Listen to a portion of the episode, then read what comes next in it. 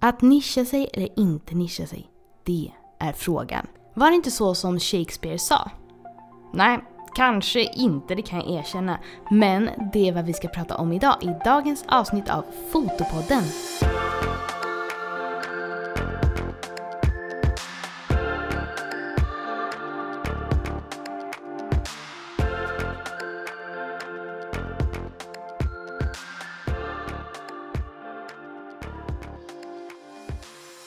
Varmt välkommen till Fotopodden om du lyssnar allra första gången och supervarmt välkommen också om du är en återkommande lyssnare som redan har plöjt alla avsnitt. Jag heter ju Maria Ekblad som gör den här podcasten och jag är fotograf i Göteborg. Och om du inte redan känner till mig och vill se mer av mina bilder och mitt jobb så kan du antingen gå in på min Instagram, fotograf Maria Ekblad, eller på min YouTube-kanal som också heter fotograf Maria Ekblad och hänga med mig där. Nu när jag skulle börja podda så drog de igång en lövblås här utanför. Så jag hoppas inte det hörs in i avsnittet och om det gör det så ber jag verkligen om ursäkt. Men jag tror att det ska vara lugnt.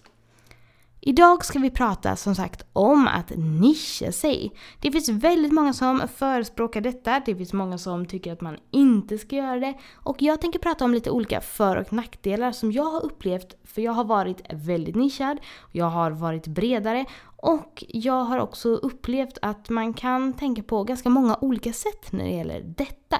Så kanske du kan lista ut vad som blir allra bäst för dig i ditt fotoföretag.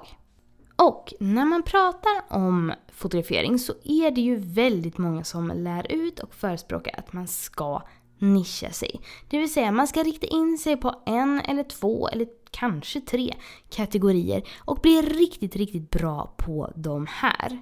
Och det finns ju en del fördelar med detta. För som jag sa, man kan bli riktigt, riktigt bra. Om du enbart fotar bröllop och gravida, det är klart, då kommer du bli riktigt, riktigt vass på det. Och för det är ju så, ju mer man övar desto bättre blir man ju. Och då får man verkligen en spetskompetens. Och det kan ju vara någonting som är värt. Det är också på ett sätt lättare att marknadsföra för att du kanske bara behöver en eller två sidor på din hemsida. Du kan prata om ganska samma saker på din Instagram och du attraherar också ganska snäv målgrupp på dina sociala kanaler. Så du behöver egentligen inte prata om så många olika saker för att locka olika sorts kunder. Utan de som du vill ska komma till dig, de är ju i en viss fas i livet och så fortsätter du locka sådana personer om och om igen.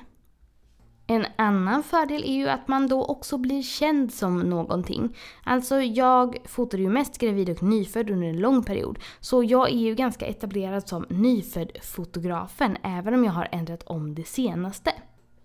Du behöver inte heller ha så himla mycket grejer. Om du till exempel fotar nyfödd fotografering och kanske sex månaders fotograferingar, då har du den rekvisiten du redan har och du behöver kanske inte köpa massa olika saker utan kan använda de här grejerna. Samma sätt om du fotar företagsporträtt och mäklarbilder, då kanske du har de objektiven som du redan använder och du behöver kanske inte ha massor med olika blixtar och saker för ljussättare utan du har ditt som du kör på.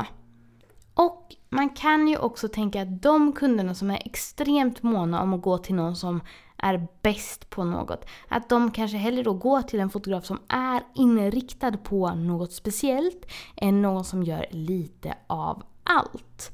Och det här tror jag gäller när det gäller att man kanske nischar sig mot till exempel familj eller man kanske nischar sig då mot företagsfoto. För jag tror att om det är någon som är extremt bred, till exempel fotar sport, fotar studenter, fotar djur, fotar företagsporträtt och fotar en go-kart mitt i allt och bröllop, då kan det ju vara ganska spretigt för kunden. Men det här tror jag är lite flytande som sagt och det tänker jag att vi kommer komma in på nu. För dig som inte känner till mig så började jag med att fota bröllop, sen så la jag till gravid, sen så hittade jag nyfödd fotografering, slutade med bröllop och körde på gravid och nyfödd väldigt länge. Och nu har jag den senaste året egentligen. Lagt till ett års fotografering, smash the cake, jag fotar mycket mer sju månaders bebisar och jag har också börjat fota familjer i studion. Så jag har ju gått från att vara väldigt nischad och väldigt smal till att bredda mig. För en till sak med att vara väldigt nischad, det innebär ju också att du kanske får säga nej till ganska mycket förfrågningar och kunder. Och om man verkligen är inställd på att man vill vara extremt supernischad så är det ju någonting man bara får göra. Det är ju inte något mer med det. Men jag tror ändå att det kan finnas en poäng i att låta kunder komma tillbaka till den helt enkelt.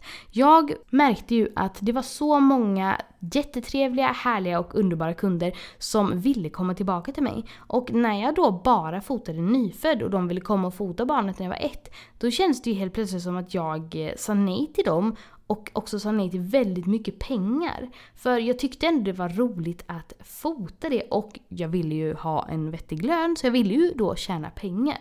Så en fördel med att kanske ha en lite bredare nisch är ju att man faktiskt lättare kan få återkommande kunder. Nu har jag kunder som har fotat liksom gravid, nyfödd, ettårsfotografering, gravid, nyfödd, ettårsfotografering med andra barnet och nu kommer fota familjen när de är större. Och de här kunderna känner ju redan mig, de känner till mina priser, de gillar mina bilder. Så man börjar ju inte på noll med de här kunderna. Utan vi har redan en bra arbetsrelation och de är redan nöjda med mitt jobb. Så det blir väldigt mycket värt. Så en fördel med att också vara lite bredare är ju också att du lättare kan få rekommendationer från dina gamla kunder till deras kompisar. För om någon var fotade nyfödd hos mig och jag enbart fotade nyfödd, då kanske det hände att de såg de här fina bilderna och också ville komma till mig, men de kanske inte hade en nyfödd bebis. Deras barn kanske var två, eller kanske fem månader, eller så kanske de hade vuxna barn. Och ja, det blir ju en snävare tratt man ska in i om man enbart fotar några saker. Och det gör ju det också snäppet svårare med rekommendationer. En annan fördel med att vara lite bredare än att vara supernischad och som sagt, i mitt exempel då menar jag kanske att man fotar som jag gör, familj nu för tiden. Att man fotar gravid, nyfödd, ettårs bebisar och sen lite större barn. Kanske inte att man bara fotar ja men upp till nyfödd eller att man bara fotar bröllop eller så. Men det är ju faktiskt att du blir bra på många olika saker. Man kan bli superbra på att fota bröllop om man bara fotar bröllop. Men du kan ju också bli grym på en del andra saker också och det kan ju faktiskt vara värt att vara lite bredare. En till fördel med att inte vara supernischad är ju att man lägger ju inte alla ägg i samma korg. Och det tror jag att alla fotografer, men framförallt alla bröllopsfotografer märkte under pandemin. För många fick ju det otroligt kämpigt när man inte längre kunde ha bröllop på mer än åtta personer. Och det var ju jättemycket bröllop som ställdes in, flyttades runt, bokades om och extremt mycket inkomst försvann ju från många fotografer.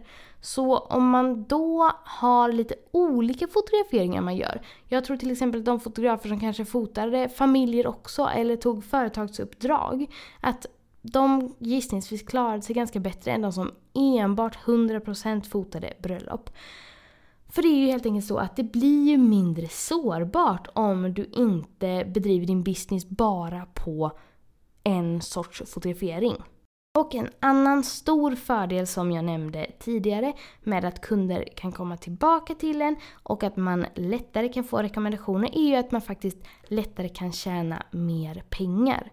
Som jag sa, det kanske är någon där ute som verkligen vill gå till en fotograf för hon är supergrym på just gravidfoto. Men hur många är de just i Sverige? Vi har ändå ett ganska litet land, även om det finns 10 miljoner. Så hur många av de här 10 miljonerna är intresserade av att gå till en professionell fotograf? Och hur många av dem vill gå till just en som är specialiserad på smash the cake, eller mjölkbad, eller gravidfoto i studio, eller vad man nu fotar. Du förstår vad jag menar. Det blir också lätt lättare att få mer och mer kunder när kunder kan komma tillbaka, bli återkommande kunder och du kan också få in nya kunder samtidigt. Och då blir det också så att du faktiskt kan tjäna mer pengar. Jag provade ju under flera år att fota bara gravid och nyfödd men jag önskar faktiskt att jag tidigare hade lagt om så att jag fotade fler sorters fotograferingar. För det har gått verkligen så mycket bättre för mitt företag den senaste tiden senaste året egentligen sen jag började göra detta och jag vill ju att det här ska vara ett heltidsjobb för mig och då blir det ju så himla viktigt att man tjänar tillräckligt med pengar. Jag tjatar kanske om det i typ alla avsnitt men det är för att det är så otroligt viktigt och jag upplever verkligen att det blir så himla mycket lättare. Så det här med att nischa sig eller inte, det är ju något som är helt upp till dig. Jag har som sagt provat att vara väldigt nischad. Jag provar nu att ha en bredare inriktning såsom på då hela familjen oavsett tid i livet för dem. Och du kanske har en perfekt kombination av några andra sorters fotograferingar. Och det kanske funkar jättebra för dig. Jag vet ju många som kör skolfoto och något annat. Eller att man kanske kör företagsfotograferingar som sagt men fotar mycket barn och familjer också. Eller att man kör bröllop och att man kör något helt annat. Men som sagt, här har du lite tankar om för och nackdelar kring att nischa sig och mina erfarenheter kring att nischa sig för hårt eller för löst. Så hoppas jag att det här kan hjälpa dig lite i dina egna funderingar. Och om du är sugen på att prova någon mer kategori, om du har nischat dig väldigt hårt, det är ju bara att testa för det är, antingen märker du att det är jättekul och något för dig, eller så kan du bara strunta i det om det inte är något för dig. Om du är extremt bred och som jag sa innan är en sån som är verkligen generalist och fotar allt, allt, allt. Då kan du också testa att skära bort några grenar på det du fotograferar. Man kan ju också fota saker utan att visa upp dem. Så har man kunderna och pengarna men man behöver inte marknadsföra allt. Så det är ju också ett tips att ha med i beräkningen. Ha det jättefint så hörs vi igen nästa vecka med ett nytt spännande avsnitt. Tusen tack för att jag fick låna ditt öra en liten stund och glöm inte att gå med i